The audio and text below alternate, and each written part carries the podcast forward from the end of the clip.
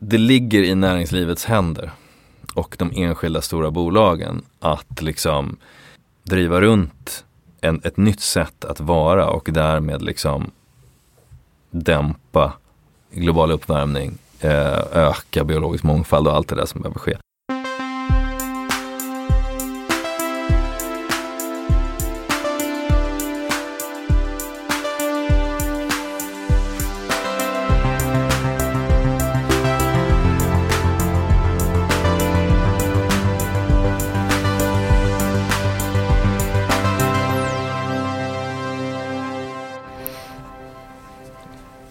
Får berätta lite hur nära jag ska vara. Och sådär. Känns det här bra? Mm. Du har en bra eh, djup röst. så, so they say. En rolig anekdot om det där var att eh, min vän som jag nu jobbar med som, eh, han är Head of Solutions på Neo4j. Han borde du prata med för övrigt här. Vilken varm rekommendation. Alex, Alessandro Amedani.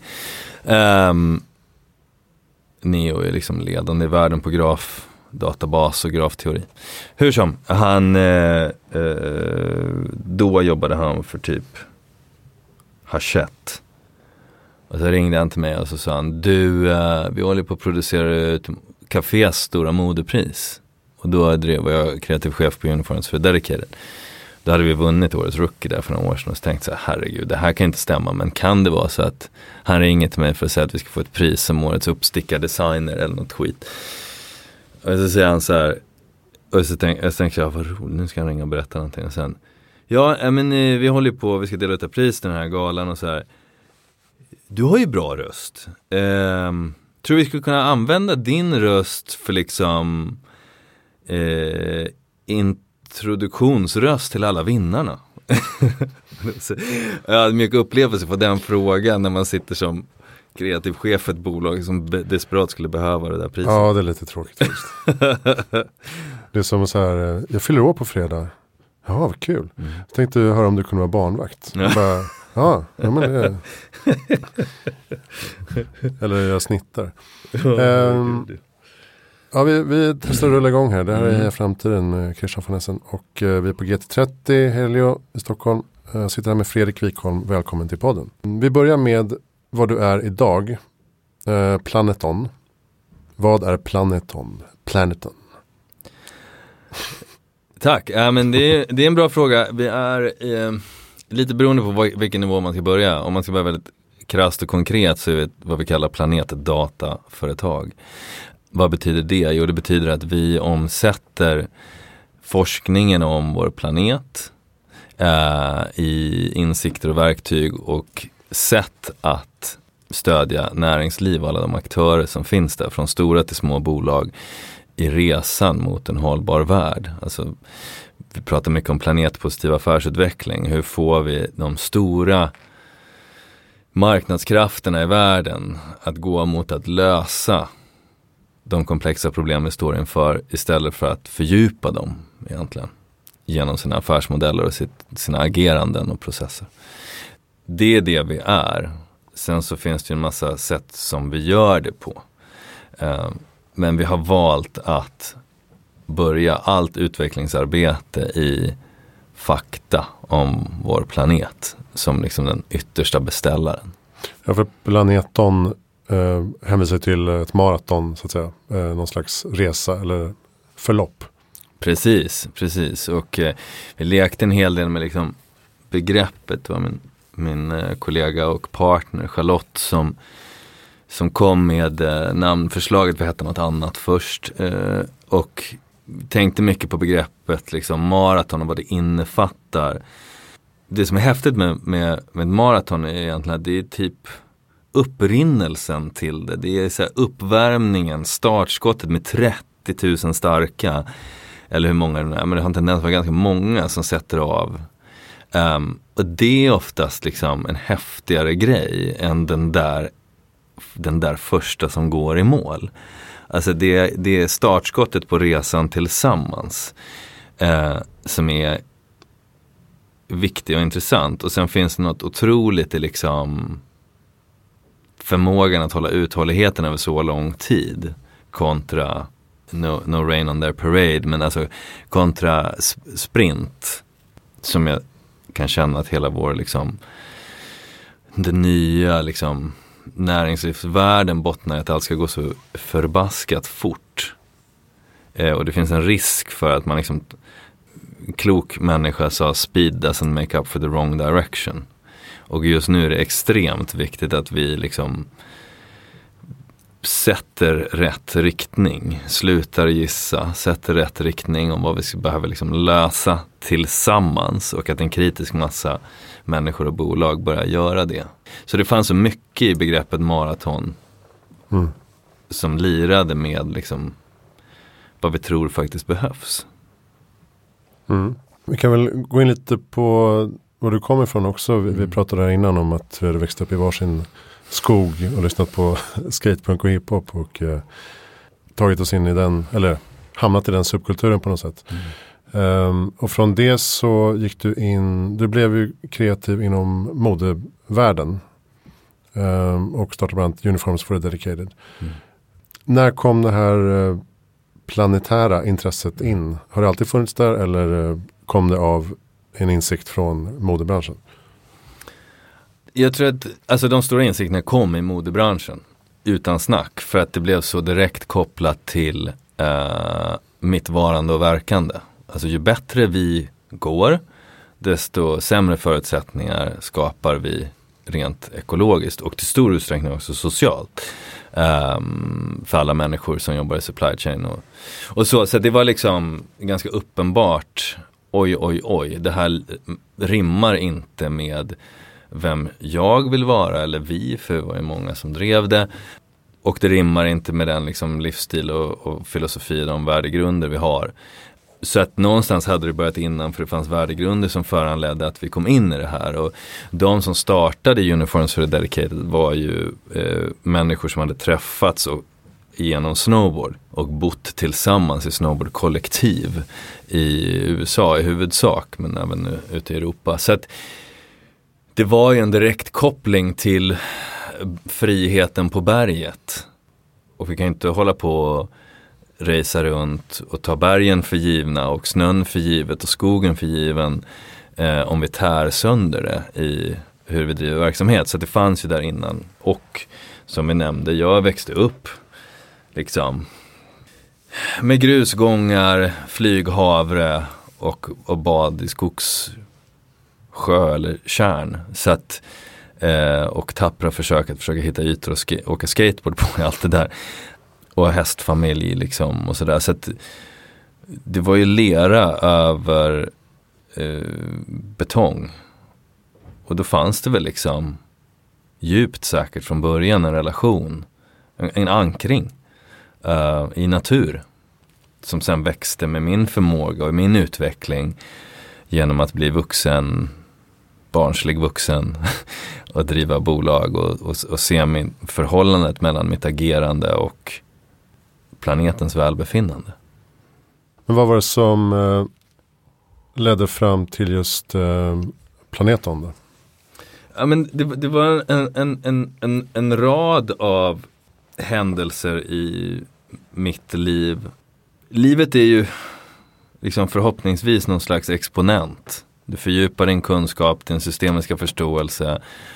Du blir mer och mer medveten och reflekterande över vad, hur jag förhåller mig till min omgivning och hur jag påverkar och, och vad som känns rätt. Alltså jag tror att för mig har liksom förmågan att känna in, får jag energi i det här, eh, förstärker det här med min omgivning och sådär. Det där har varit en växande, det har växt genom livet och genom vad jag har gjort i livet och vilka människor jag har fått omge mig med. Så det kom gradvis, det kom jättemycket genom Uniforms för Dedicated och liksom, vi var ju små då och eh, satt med knappa resurser men vi jobbade ändå rätt medvetet och hårt på att försöka vara innovativa mer än reduktiva.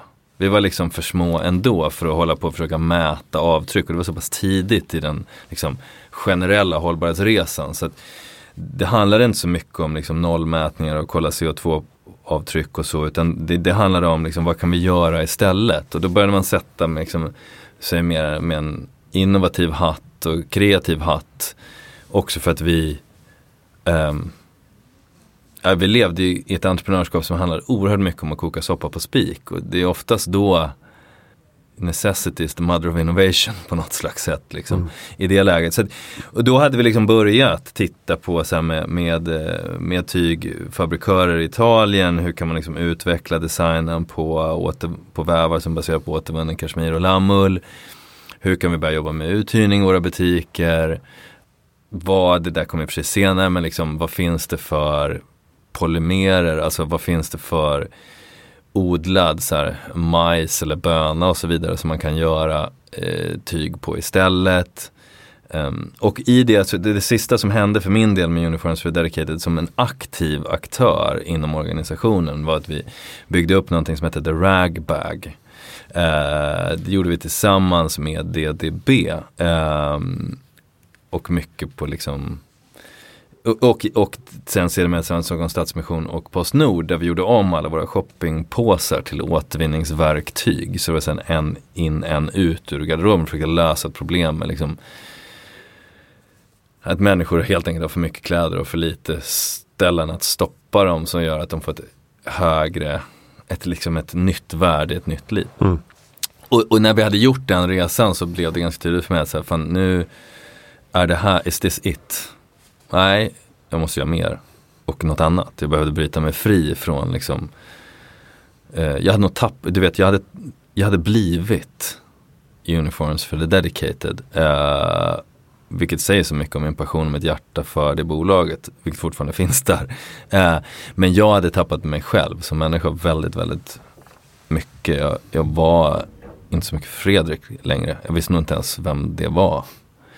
Um, och där och då i sluttampen på det så träffade jag också min, min fru, eh, eller nu fru, eh, då magisk internationell superkvinna Yomi som jag hade liksom fick, fick träffa av en slump. Och, och, eller nej, det finns ju kanske inte slumper men, men vi, vi träffades i alla fall första gången hon var i Sverige. Och, och eh, det var liksom en, en, en kulmen där i mitt liv. Eh, 2013, 2014. Och, då, och sen så flyttade jag till New York där jag och mig bodde.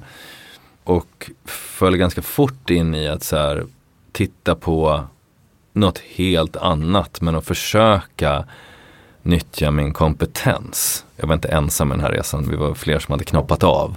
Mm. Um, och fastnade bara av en händelse som vanligt någon annan kloking, också en, en, en uniformsgrundare som sa, fan kolla det här klippet.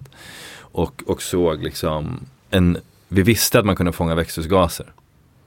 Koldioxid och det är inte så svårt egentligen men det har varit en ganska dyr och onödig process för att man har bara grävt ner det som kärnbränsle och därför så har det aldrig skalats upp som en faktisk möjlig lösning till att sluta släppa ut så mycket i alltså atmosfären. Carbon capture storage. Exakt, ja. det har varit just carbon capture and storage men då såg vi liksom lösningar för carbon capture and utilization, alltså brukare som material, byggstenar. Och där, det var en, en det, det var en liksom sån pivotal moment för mig och såg ett bolag i Kalifornien och deras vd som berättade och stod och höll liksom stolar gjorda av metangas. Mm.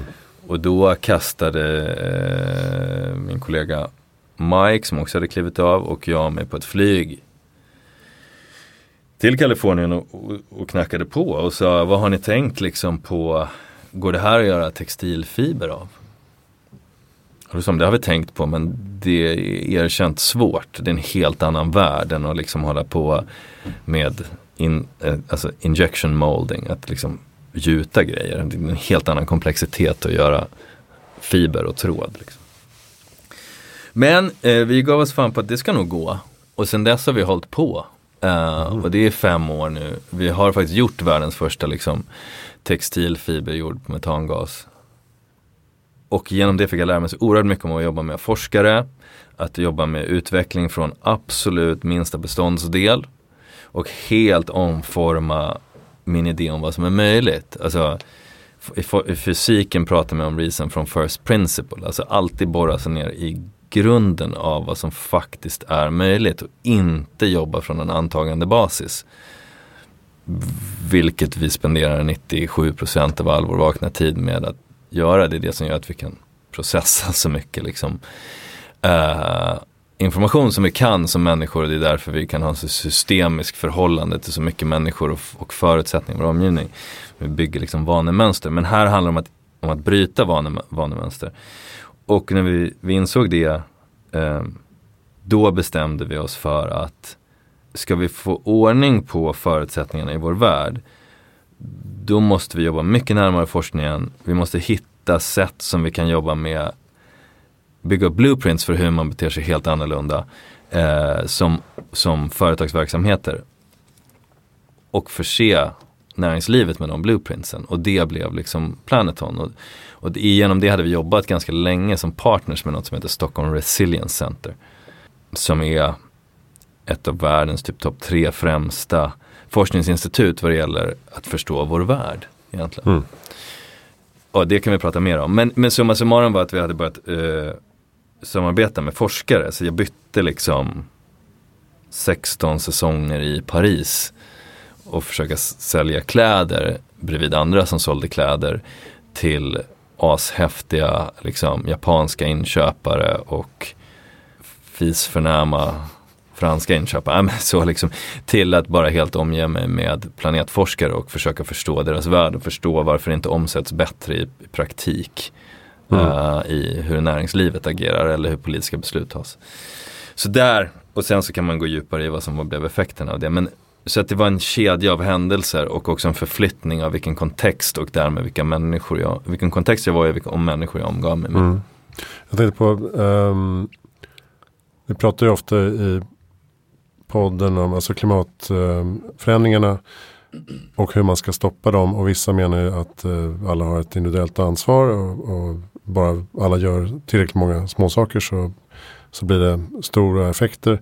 Vissa menar att det är helt ointressant. Vi bör bara fokusera på politiska nivån eh, och ändra politiska besluten. Och, och du jobbar ju, ni vill ju jobba mer med marknadskrafterna. Ser ni det som liksom den mest effektiva domänen att göra, skapa förändring? Alltså det korta svaret är ja. Eh, det mer nyanserade svaret är att det mesta behövs. Ja, alla tre behövs. Eh, ja, alltså vi sitter med en rad komplexa sociala ekologiska problem. Eh, där liksom det både handlar om hur människor påverkas i nuet och hur vår planet kommer förändras över tid och därmed hur människor kommer påverkas över tid. Och det handlar om hur vi är slav under våra egna prylar som vi köper på oss eh, och liksom fast i ett finansiellt system. Och hur mycket liksom samlad koldioxid och växthusgaser vi släpper ut i vår atmosfär. Så att allting hänger ihop. Och, eh, för mig är det uppenbart att allting behövs. Det är bättre, rent krast, om jag käkar mer plantbaserat än kött. Men det finns också skalor där. Det är bättre att jag äter vilt sällan än att jag äter industriproducerad gris ofta. Så är det. Eh, men det jag motsäger mig jävligt kraftfullt är förskjutningen av ansvar. Att likt liksom det nästan så här religiösa reklamgingen i näringslivet om att så här, det måste finnas efterfrågan för att vi ska göra. Det är inte fair och det är inte rimligt. Som konsumenter kan vi inte förväntas eh, att efterfråga lösningar som vi inte har en aning om att de finns så att säga i framtiden. Utan det finns en extrem potential snarare att du och jag och alla andra som också är producenter, för vi går till jobbet. Alla som är liksom, har en konsumentmöjlighet har också en producentmöjlighet eh, på arbetsplatsen. Vare sig du jobbar på ABB eller Heja Framtiden. Och faktiskt, även om liksom i toppen kan stora beslut tas, men, men i den här resan så behövs både vd och liksom de som gör ut på golvet så att säga. Så att, eh, summa summarum är så här, bolagen håller liksom hävstången in i framtiden och sen är frågan om vilken form av framtid vi rullar in i. Just nu är det viktigaste i min bok, mycket också för att jag inte ser så många som hjälper till att omsätta liksom från forskningsinsikt till handling i näringsliv. Jag ser inte så mycket bra lösningar på den bryggan idag. Det är därför Planeton finns. För jag känner jävligt många som sitter inom stora bolag som vill men har väldigt svårt att navigera hur. Och, och vad det är man först ska lyssna på. Så att, eh, jag anser att det ligger i näringslivets händer och de enskilda stora bolagen att liksom driva runt en, ett nytt sätt att vara och därmed liksom dämpa global uppvärmning, eh, öka biologisk mångfald och allt det där som behöver ske. Jag menar Ericsson, Electrolux, H&M står med i sin helhet, och de har ju supply chains med en massa olika aktörer, men i sin helhet för att få ut den mängd artiklar de får ut i vår värld eh, står för liksom mer utsläpp än resten av Sverige samlat. Det är ju tre jättepotentialer att, att, att vända kurvan neråt. Men att lägga det i händerna på oss som användare, att be om så skarpa lösningar eh, och sen rösta med våra plånböcker. Alltså ge fan och köp tills du har fått de där bättre lösningarna. Det tror jag är den långsamma vägen. Mm för H&M, Electrolux och Ericsson att ta gedigna grepp om, om att bygga nya regenerativa affärsmodeller som är bottnade i att lösa problem och tjäna pengar på dem. Det är en snabbare, om än svår väg, men alla vägar kommer vara ganska svåra. Mm.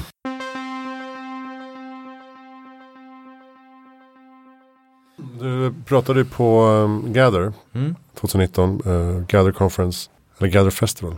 Ja, Gather. Otydligt. eh, vilket var väldigt kul och uppskattat kändes det som. Det var härlig stämning. Och eh, där drog du ganska, nej men du eh, målade upp ganska stora visioner tyckte jag. Eh, vilket var spännande. Just att vi behöver ändra hela systemet vi ingår i. Och du pratar mycket om att ändra språket. Vad är det du är inne på där?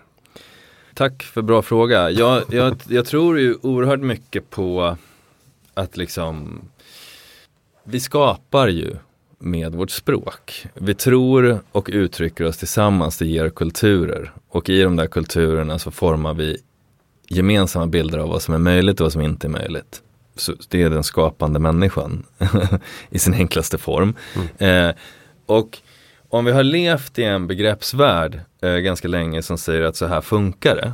Så är det så vi har gått runt och, och cementerat vår världsbild som enskilda eh, aktörer i samhället och sen som, som liksom kollektiv. Och det kollektivet kan vara hela samhället, det kan vara det, eh, människor som går till jobbet på samma ställe eller det kan vara en familj och sådär. Um, eller det kan vara vad vi skriver i, mass, i media. Ehm, och om vi ska börja en ganska drastisk utvecklingsresa, för det är det det är. Det är inte en avvecklingsresa, en utvecklingsresa för att skapa verksamheter som bidrar till ett samhälle, som bidrar till en värld. Innefattar alla på ett hållbart sätt och som är ljusare än gängse bild av framtiden idag. Så måste vi också forma ett språk som ger utrymme för att kunna skapa den framtiden. Och jag brukar liksom bottna de den approachen till innovation och utveckling i att vi först formar språk.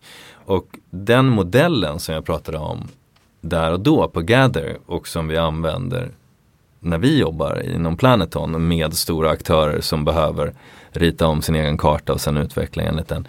Eh, utgår från en, den här samma modell och den modellen handlar om ett, ett, språk för förändring eller language for change. Och den eh, fiskade jag upp från en fantastisk filosof som jag skulle vilja att du intervjuar någon gång som heter Henry Giraud.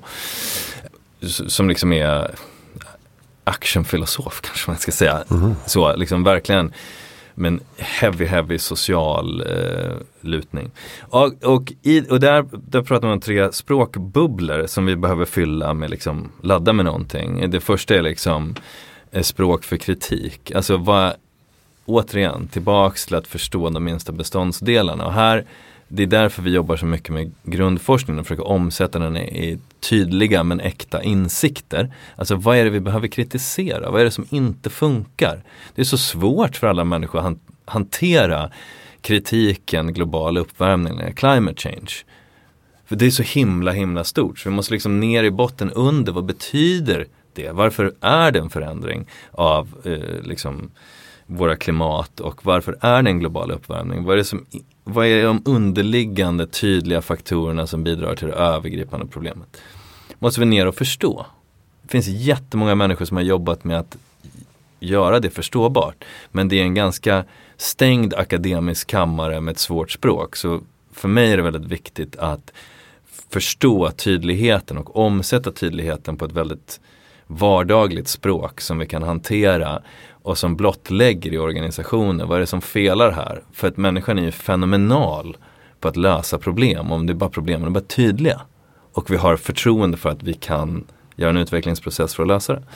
Så det är liksom första delen, alltså global uppvärmning måste man, eller climate change måste man liksom klicka ner i. Att en, en, en, en stor eh, faktor är det vi kallar näring på fel plats. Alltså att vi släpper ut en massa eh, koldioxid och växthusgaser i allmänhet ut i vår atmosfär är ju det som skapar liksom växthuseffekten. Det lägger sig som ett värmefångande lager runt vår planet. Så får inte liksom det reflekterande värmen från solen studsa ut igen. Eh, vi måste sluta bygga det där liksom glas, liksom växthusfönstret eller växthustaket runt omkring vår planet. Och faktum är att alla de aspekter, koldioxid, metangas och så vidare, det är ju näring. Alltså kan vara byggstenar i någon form av process. Oftast är det en process där vi använder fossilbränsle istället för att bygga upp plast eller någonting. Så att en av i grundläggande kritiken är att så istället för att bara släppa ut grejer när vi gör industriell framtagning av någonting är att se på hur vi istället använder den näringen till att göra byggstenar i hur vi mm. bygger en bil eller en glasspinne eller vad fan som helst. Liksom så. Eh, nästa bubbla handlar om vad vi kallar språk för informerat hopp. Så hopp för hoppets skull. Är... Language of informed hope, ja det var det du pratade om. Precis, och den är väldigt viktig för att eh, hoppfullhet kan lätt leda till liksom vilsen optimism. Det löser sig nog.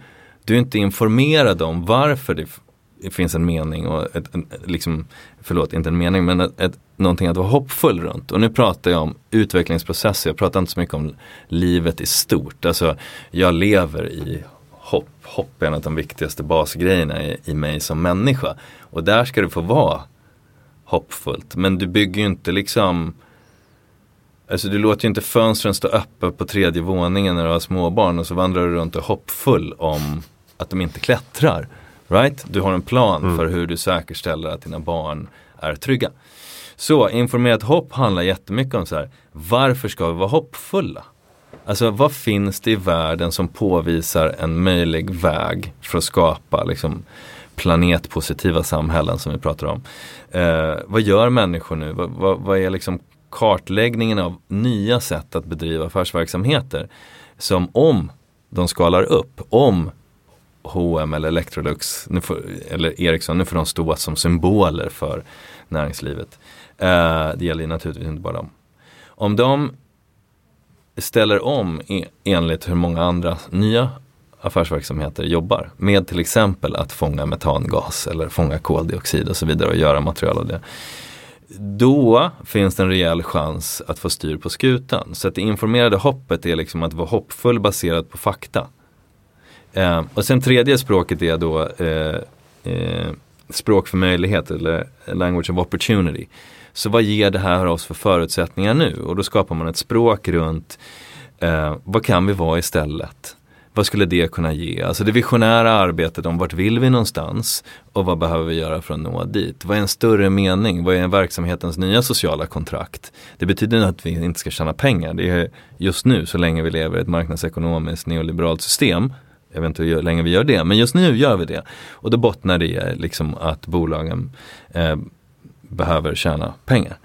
Eh, så det är ju liksom en grund grundplåt och det är det bolag och människor som jobbar inom bolag oftast är väldigt bra på. Men hur applicerar vi det på ett nytt sätt att verka i samhället? Vad är vår nya potentiella roll? Så jag tror jättemycket på att först skapa språkstrukturer som ger gemensam dialog om hur vi tar oss an en utvecklingsresa. Mm. För att jag tror att många gånger så pratar man om liksom, change, alltså, change is hard, en sån där, det, det sitter i väggarna hos mm. många organisationer. Och då tror jag att det blir det för att man går runt och säger det.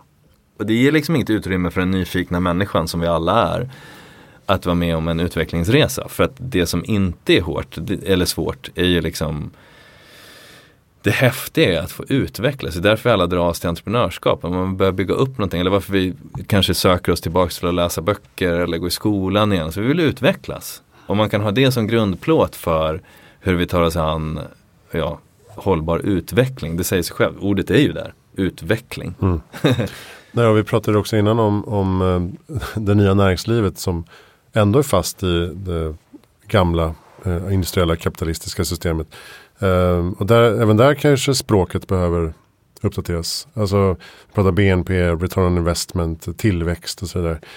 Att det liksom inte är okej okay att nöja sig med att starta sitt café. Utan man ska kunna skala upp det över hela världen.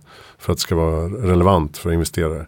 Behöver vi liksom uppgradera språk, språkpaletten där också i näringslivet i stort?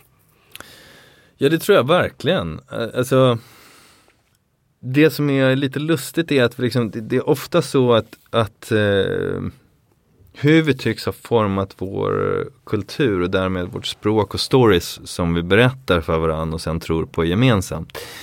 Sverige är det mest jämställda av länder och sådär. Det ger väldigt lite utrymme för nyans. Och det faktum att det finns många stories, alltså många verkligheter. Um, den stora merparten av alla världens bolag är liksom mom and pops. Det är, det är små enheter som har, har liksom funnits och eh, givit förutsättningar för näring i den lilla communityn. Vare sig det är liksom Queens, New York eller eh, Kungsör i Västmanland. Så det finns, det finns hjärtemänniskor som driver sin lilla verksamhet. Det kanske har gått i generationer till och med och så, så har det utvecklats en del längs med vägen för att anpassa sig till vart samhället befinner sig idag och vad behoven är. Eh, den storyn får inte plats så mycket. Och, och den storyn vi berättar väldigt mycket genom först vår research och forskning inom Planeton och sen i hur vi stöttar bolag att bygga nya bolag, för det är oftast det vi gör, eh, eller helt nya affärsenheter i alla fall att det finns ett helt liksom globalt svampfält av, av bolag som har börjat i Hej, det finns ett jättetydligt problem här. Det här problemet behöver lösas. Vad händer om vi gör sig kast med att bygga en verksamhet runt att lösa det här problemet? Det kommer ju landa i att vi liksom bygger helt ny teknologi eller att vi applicerar senaste teknologin. Det är bara att vi börjar inte AI som begrepp eller machine learning som begrepp eller drone som, som teknologi utan att vi börjar först i en väldigt tydlig problemställning och blir väldigt klara med den problemställningen och sen bygger vi affär på det, vi applicerar teknologier för att lösa dem. Eh, det händer jätte, jätte, jätte, jättemycket. Eh, de behöver såklart investmentkapital och allt därtill men det vi ser där när vi forskar på det är att det inte är liksom Eh, vi, vi, kommer komma, jag kommer komma till var du, varför du säger det här för det finns en, liksom en, en Silicon Valley gospel ju, runt att eh, på den digital, i den digitala världen där datan är den nya oljan så eh, finns det en winner take all mentalitet. Det kan bara finnas ett Facebook, det kan bara finnas ett Twitter, det kan bara finnas ett Instagram och så vidare och så vidare. Det kan bara finnas ett WeWork, det kan bara finnas ett Airbnb. Um, när verkligheten i den fria marknaden under väldigt lång tid har det sett ut som så att det är jävligt hälsosamt med konkurrens för annars blir det inte bra. Liksom. Det har ju spetsats till helt fel, liksom, hur vi har investerat framför allt från ett Silicon Valley-perspektiv men säkert många andra fickor i världen. Alltså, satsa på jättemånga, satsa massa pengar på typ 100 bolag, eh, pressa dem som fan på på att hitta en, en, liksom, en viable product och skalbar affärsmodell. Eh, vilket oftast är baserat på någon slags typ ad-buy. Alltså att någon annan ska betala notan för att synas på din plattform. Vilket innebär att du måste ha en kritisk massa människor på din plattform. Det och, och, sen så satsar man på 100 och så tänker man att tre ska gå bra och så kanske blir en som blir den där världsdominanten. Det är liksom en tillspetsad ännu värre form av marknadsekonomi och framförallt kapitalismens, den kapitalistiska versionen av marknadsekonomi vilket skulle fått liksom förmodligen Adam Smith att vända sig i sin grav här. Eh, men det jag vill säga då var att så här, det händer och då blir det, det dominerande, den dominerande storyn om hur du ska bygga affär och det är då det är så vi liksom unga till mellanunga entreprenörer då går och ser världen när vi ska starta bolag. Men det finns andra stories och tillbaks till det jag sa då om liksom det som vi forskar på och lyfter inom Planeton. Du tittar på ekosystem av bolag som istället är beroende av varandra och tillsammans blir de oerhört starka. Det är lite som, om jag går tillbaka till vad är mode, vi kan ju inte som modebolag göra en enda pinal utan att vi inte är helt och hållet beroende av en lång, lång, lång, lång räcka bolag som samverkar genom supply chainen. Det är så, vi fun- det, är så det funkar att göra grejer. Uh, så det där har funnits jättelänge, eller liksom lokala ekosystem av liksom om du är i en by eller det är en av de finaste grejerna med att vara i vissa delar av världen när man lyckas kunna hålla den, den, den lokala maten lokal. Du går till grönsakshandlaren, du går till slaktaren. Mm. Du, du, du, går till de lokala aktörerna och du får ihop det bästa från de olika experterna. Så, så, och det där händer allt mer och mer och mer, att vi ser liksom den lösningen vi ser på vart vi nu befinner oss från ett klimat eh, förändringsperspektiv och liksom ett planetärt förändringsperspektiv till det värre. Lösningen på det är en ny story som finns idag men som inte förtäljs så mycket. Som handlar om eh, förhållanden mellan en massa nya bolag eh, som växer sig väldigt, väldigt starka på att de finns tillsammans. Och där jobbar vi mycket med att också göra kopplingen mellan det gamla näringslivet, alltså allt från liksom bolag som har funnits flera hundra år till Apple. Alltså alla de är ju förhållandevis mycket det gamla näringslivet. Alltså en, en, oftast en ganska linjär process för att hamstra eh, resurs eller råvara, bygga någonting, sälja det och sen är det någon annans problem vad som händer med det efter. Eh, och sen hamstra nytt och så igen.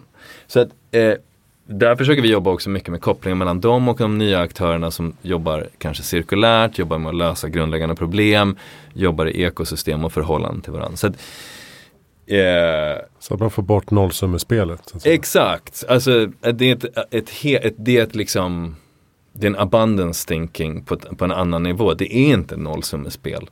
Vi vet, alltså, det vet vi också i det ekonomiska systemet att det är inte det är inte ett nollsummespel. Det finns mer skapade pengar på marknaden idag än vad det fanns för fem år sedan och framförallt 50 år sedan. Däremot så ser vi en jävligt obehaglig trend i att det liksom pengarna eh, distribueras inte ut över samhället utan de konglomereras på färre och färre människor. Så att vi vet att det inte är ett nollsummespel. Vissa har försatt sig i positioner där det bara ökar. Vi, en klok eh, professor som eh, sa att det är liksom framgång och motgång är båda exponentiella börjar det gå utför så går det oerhört fort utför. Och allra tydligast kanske det är länder som USA där det inte finns så mycket socialt skyddsnät. Alltså jag tänker på efter liksom, den ekonomiska kraschen 2008 var det ju människor som satt och lyfte liksom sex, ja men liksom så här, lyfta 500 000 dollar i lön om året med corner offices på stora investmentbanker. Det gick fort att i princip vara på gatan med sin familj.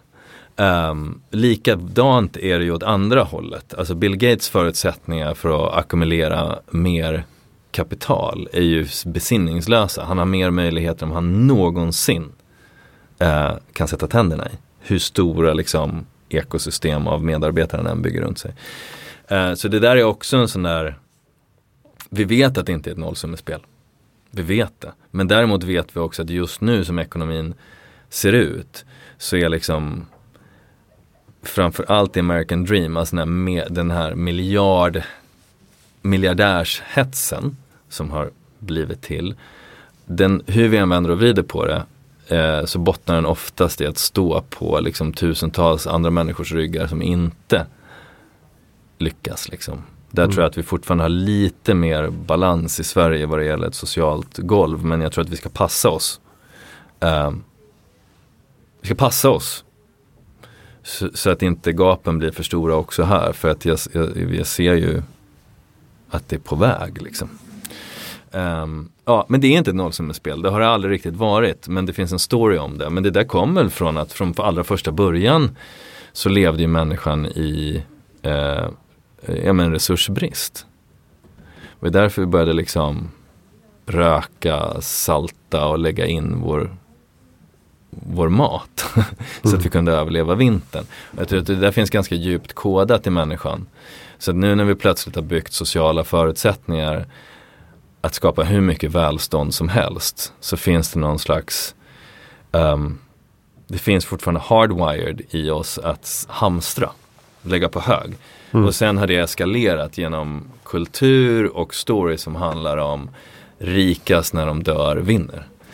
Också liksom, som bara förstärkte. Så att ja, behovet av nya stories och varför vi tjänar pengar är skriande viktigt. Och jag vill bara säga, och i det, vad, vad säger jag? Jag säger att de, det är inte bara stories, det är case. det finns. Mm. Det bara måste igenom. Hur många så det, som gör annorlunda. Så det känns som att du ser mycket bra grejer och förändringsvilja men att det går lite för långsamt. Är det att det är en frustration i när man ser lösningar och inte ser, får det att hända riktigt? ja, och jag, jag skulle vilja sticka ut hakan så mycket som att säga att det kanske inte handlar om att jag, jag ser nog inte kanske att det inte händer. Men jag, men jag ser att det händer oerhört långsamt i relation till hur fort det be skulle behöva gå. Men jag är också medveten om att vi lever som liksom, eh, utväxlande varelser och, och organismer i samhället. Alltså det, tillvaron är exponentiell. Vilket innebär att hur det känns idag, att det känns liksom långsamt i en omställning mot någon slags planetpositiv värld down the line, men först liksom hållbar värld eller liksom en värld som ligger bak, bortom att ha uppnått de globala målen. Vilket sätt du än vill mäta och uttrycka det på, men den riktningen i alla fall. Idag kanske det känns som herregud, vi kommer inte gå, men det här kommer inte gå. Det går så himla långsamt. Men det kan bero på att vi är ganska tidigt i den exponentiella resan att liksom tio år fram i tiden så, så är liksom om två blir fyra, blir åtta, 16, 32 och så vidare så är vi kanske på 10 000 om tio år vad det gäller steg i utveckling och förhoppningsvis i rätt riktning. Så att man måste också ha respekt för att liksom vi tittar nog på exponentiell utveckling ganska linjärt när den, man tycker att den går långsamt. Och sen så går plötsligt allting för fort. Eh, och då behöver vi springa för att hinna, hinna med den exponentiella utvecklingen. Och det är väl där många som sitter och tittar på AI och liksom den utvecklingen och digitaliseringen och, och, och har flaggat för att liksom passa er nu när den exponentiella utvecklingen kommer. Vi måste vara redo för det på något sätt. Så, att, så tror jag att det kan vara också med liksom det svepande begreppet hållbara affärer. Och jag ser liksom bolag som har gör helt otroliga grejer som nu är uppe och sniffar på inte marknadsdominans men, men vettig marknadspenetrering om man så kan säga. Då. Mm. Och som jag tror kan växa väldigt, väldigt, väldigt fort över de kommande tio åren. Ja men det är också med, också med språk att det, många av de här begreppen fanns inte för 20 år sedan överhuvudtaget. Mm. Mm. Så att det, det har gått ganska fort ändå. Ja herregud. Ja. Vi hade väl inte smartphones för tio år sedan. Liksom. Mm. Vad, vad sitter vi och pratar om om tio år? Vad är det vi har i fickan? Har vi det i fickan eller är det i kroppen istället? Liksom, var, var, var, står vi då? Mm. Vad, vad är ditt eh, bästa tips för att göra världen bättre i framtiden? Det beror nog lite på i vilken roll, men, men om jag ska välja en. Så, så, så skulle jag vilja påstå så här, organisera er på jobbet. Alltså, organisera er på jobbet, sitt inte och vänta på att liksom längst upp i toppen ska någon säga nu ska vi ta den här riktningen. Utan börja komma samman på jobbet. Eh, eller med, skolan. Eller sko ja herregud, ja skolan. Men, men, och det där är en så här viktig distinktion. Um, jag tror att barn och ungdomar har ju börjat komma samman mer inom skolan. Annars så skulle vi inte ha liksom den här Greta-effekten. Men hur vi än vänder och vrider på det, jag tycker det är jävligt viktigt här att så här, eh, barn och ungdomar har med all tydlighet påpekat det vi redan vet. De vuxna som faktiskt går till jobbet och driver det vi redan vet framåt eller vänder på steken i någon slags positiv bemärkelse eh, behöver nu göra jobbet. Och där kan jag vara lite kritisk mot jag, bara, jag, kan, jag, kan, jag kan känna en ganska djup frustration när Greta river av sitt tal i FN. Där hon är så jävla tydlig. Liksom. Gå hem och gör jobbet annorlunda. Och det hon tar, eller får, är stående ovationer och applåder. Det hon ju vill är att, man, att det är ingen kvar i salen. Eller hur? Att alla rusar tillbaks och börjar göra jobbet annorlunda. Så att hon kan åka tillbaks, gå i plugget och att vi börjar få styr på den här skutan. Så min poäng är att så här, om jag ska lägga en uppgift, då skulle jag säga så här vad det gäller barn och ungdomar. Påverka era föräldrar. Ställ krav på era föräldrar att när ni går till jobbet, gör något annorlunda. Det handlar inte om vilken sallad eller veggiefärs vi köper. Det är det också. Det kan vi påverka det lilla.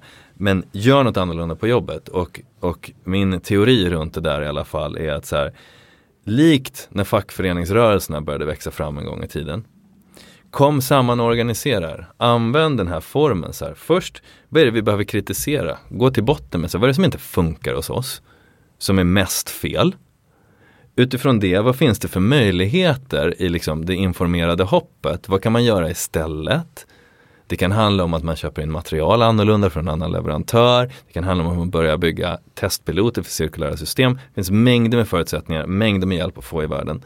Och så tredje steget är att man berättar en story om vad vi behöver vara annars. Eller istället. Och så gäller det att komma till en kritisk massa. 100 pers organiserade på ett bolag som har flera, flera tusen kan fortfarande vara väldigt sprängkraftiga i att ställa krav uppåt. Och nu tror jag att det handlar om det. Det handlar liksom om det å ena sidan och det handlar om å andra sidan där vi möter många bolag, vilket är absoluta toppen. Det är så här,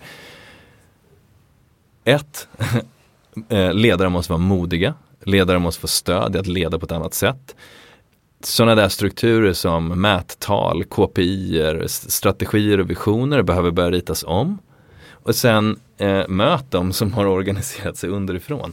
Så jag, jag tror liksom det är det viktigaste just nu om man går till jobbet i ett större företag.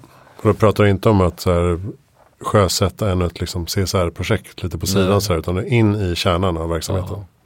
Sen kan det vara så att för att nu använder jag en massa bolagsnamn här och de är ju rent, de får stå som symboler för att vi ska kunna förhålla oss till någonting.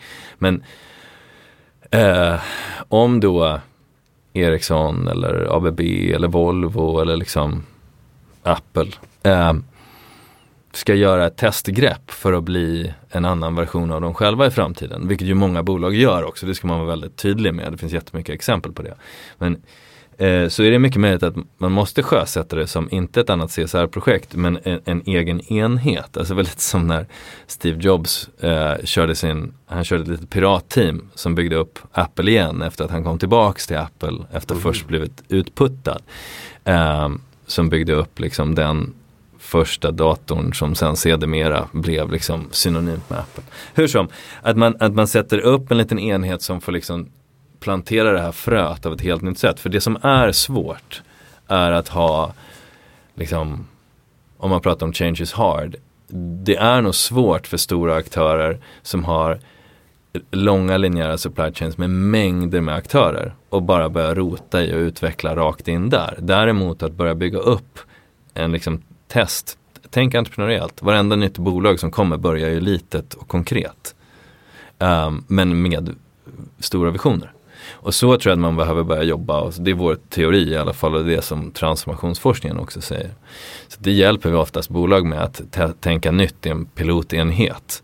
Um, och att det inte blir en skrivlådeprodukt utan man gör någonting faktiskt så man ser om det kan få liksom bäring och sen så får man börja emigrera fler och fler människor och mer och mer resurser till det och så bygger man upp någonting som blir större och större och större och tar över. Så jag, jag tror att det är det, men jag skulle föreslå att man dräper CSR och hållbarhetsavdelningar. Ha inte egna avdelningar, stäng ner dem. Uh, ut med det i verksamheten, ut med det i innovationsenheter. um, se till att alla de kunniga människorna som sitter i de här får leka med andra experter. Alltså skapa skavig mångfald med frihet att bygga nytt. Det är liksom en jättefaktor tror jag för att driva om det nya näringslivet och det är ju så vi bygger nya bolag. Så det vore väl klokt av stora gamla bolag att lära väl av de framgångsfaktorer som vi har när vi bygger nya bolag i lite mer fritt space.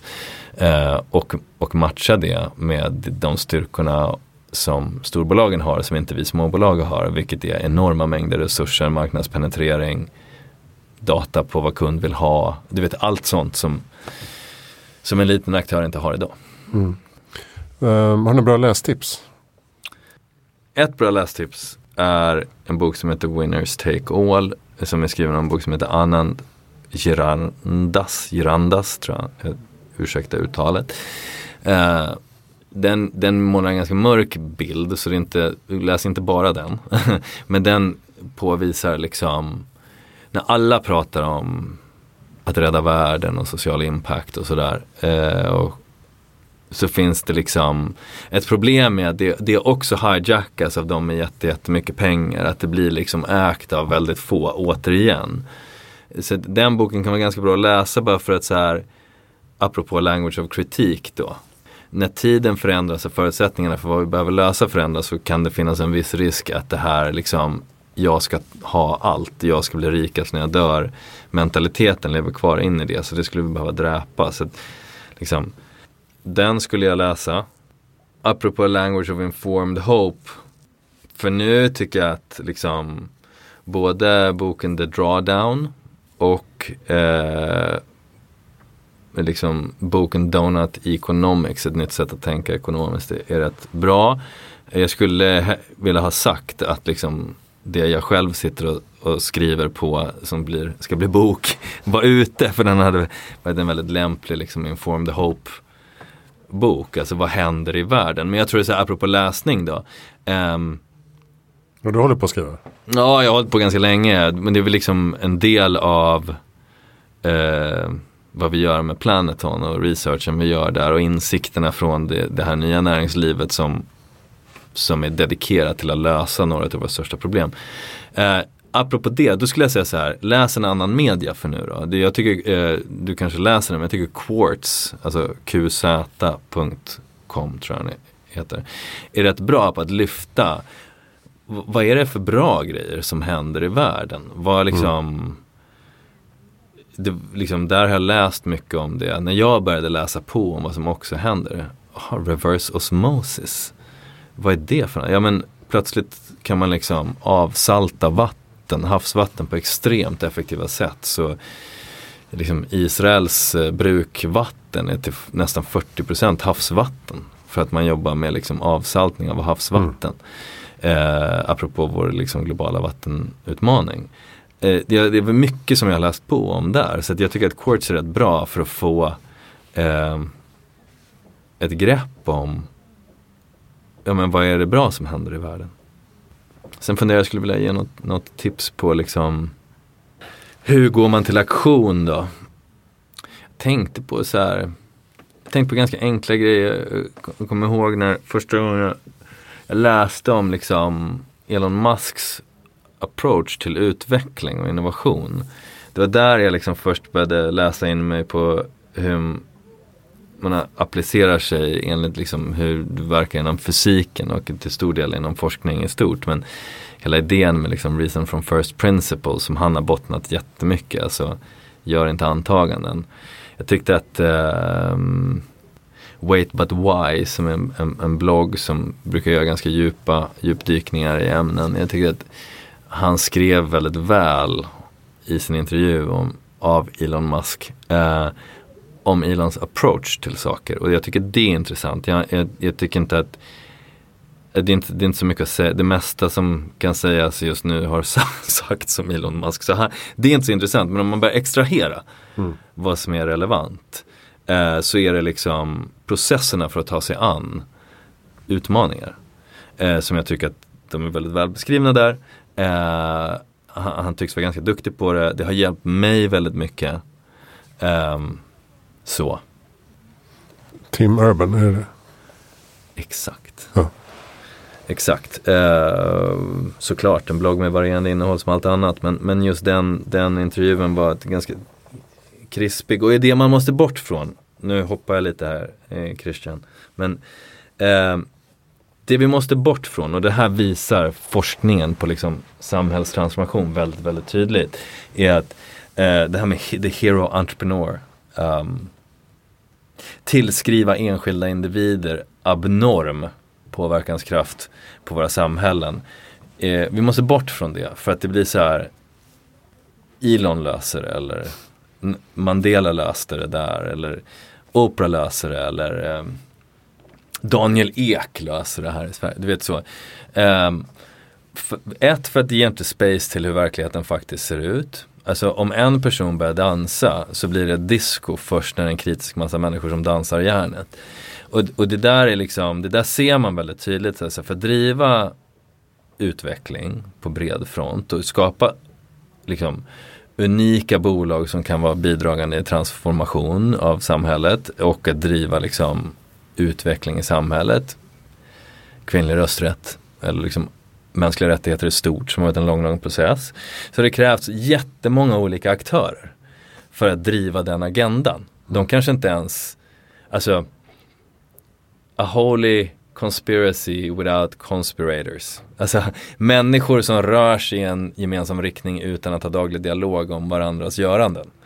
Um, så att allt det där, man måste liksom dräpa idén om att vi sätter människor på piedestaler och förstå att liksom med, runt omkring, bredvid och överallt runt Elon Musk så finns det jävla massa människor som är extrema på att få saker att hända.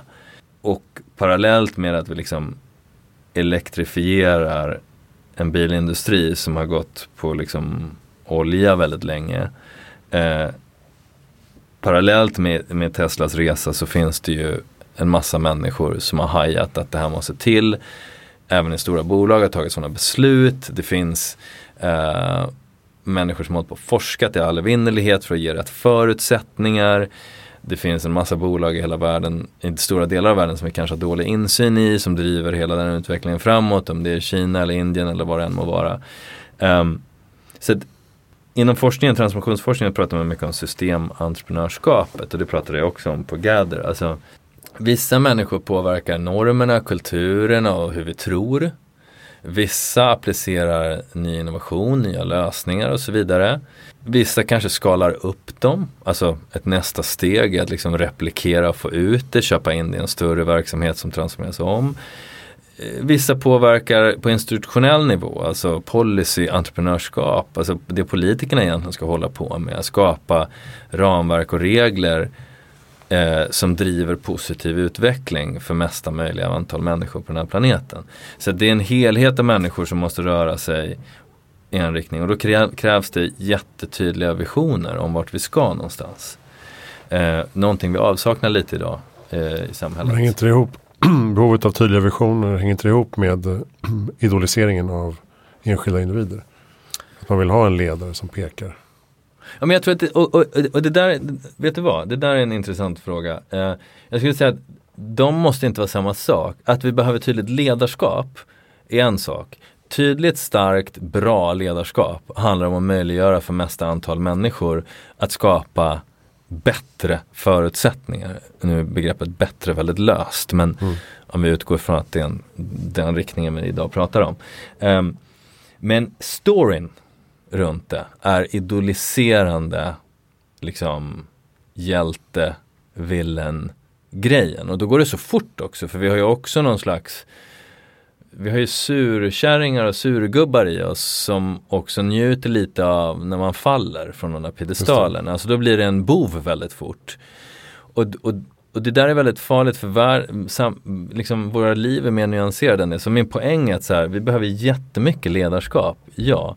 Men ehm, det finns inga oantastliga hjältar. Det finns inga, det, för, nej det finns det inte. Och, det, och vi behöver inte fler hjältar. Vi behöver fler vuxna människor eh, som beter sig vuxet, som bygger förutsättningar för att nästa och nästa och nästa generation eh, ska liksom kunna blomstra med goda förutsättningar att, att föra planeten och samhället vidare.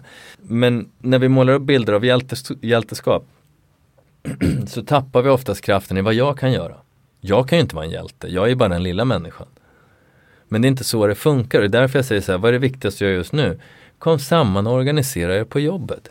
Hej, vi är oroliga. Det känns inte bra det här. Vad kan man göra istället? Alltså, vad behöver förändras? Vad finns det för förutsättningar för att förändra det? Vad behöver vi göra för att kunna förändra det? Alltså, liksom, vi måste avdramatisera och komma samman. Det är det viktigaste och inom det kommer det uppstå ledarskap. Ledarskap uppstår överallt och framförallt i de mest oförväntade människor. Mm. Och det är jätteviktigt. Alla har ledarskap i sig. Det är det första vi liksom kan gå hem och känna. Det tillhör inte några få. Den är fri. Vem tycker att jag ska intervjua Heja Framtiden? Du nämnde en filosof tidigare. Ja, Henry Giraud. Eh, Från? Eh, eh, han sitter i Boston. Eh, han tycker att du ska intervjua. Eh, jag tycker att du ska intervjua Lisa Dyson. Ehm, hon är grundare till ett bolag som heter Kiverdi. Mm. som fångar koldioxid och utvecklar det till ätbara mjöl och oljor. Och i det så liksom jobbar Kiverdi med att helt disruptera ett trasigt matsystem. Apropå näring på fel plats. Eh, så jag tycker de två är väl exceptionella eh, förslag. Jag tycker, eh, för att vara lite hemmastolt, eh, jag tycker att du ska intervjua kanske min fru. Om hon är öppen för det. Yomi Abiola i hennes arbete med eh, kvinnligt ledarskap och um, hon jobbar mycket med människor vad det gäller att vi hittar hem till oss själva igen. För att baserat på hur snabbt samhällsutvecklingen går och hur liksom extern validering har blivit så himla viktigt för oss genom vilka prylar vi äger, vilken titel vi har, hur mycket pengar vi har och vad människor tycker och tänker om. Och så jobbar hon jättemycket med att människor ska hitta sitt ledarskap i sin egen inre liksom, kompass. Eh, och hon är dessutom en av de klokaste människor jag har fått äran att lära känna. Men så de tre är bra. Eh, ja. Mm. Bra. Tack Fredrik Wikholm för att du kom till Framtiden. Tack Christian. Vi, vi får fortsätta med senare tillfälle. Absolut. Kanske köra en, eh, en på engelska också så småningom. Gärna, gärna. Um, kolla in Planeton, då är alltså planeton med th.io. Och uh, du finns väl även på fredrikvikholm.com jag förstår. Exakt. Eh, det finns det TEDx-talk och lite sånt. Ja men precis och senaste Gather eh, Eh, senaste Gather-föreläsningen finns på YouTube. Ja det gör det? Okay. Ja det finns en del föreläsningar på YouTube. Den inkluderat. Jag tänker att den är ju kanske det mest aktuella just nu. Mm. Eh, utifrån vad jag har varit med och skapat. Mm. Och den tar upp en del av begreppen som vi är inne på idag. Ja men exakt. Bra, mot en eh, hållbar planetpositiv framtid helt enkelt. Exakt. Jag heter Christian von Essen. Allt du behöver veta finns på hejaframtiden.se Följ oss och gilla det du hör. Så hörs vi nästa gång.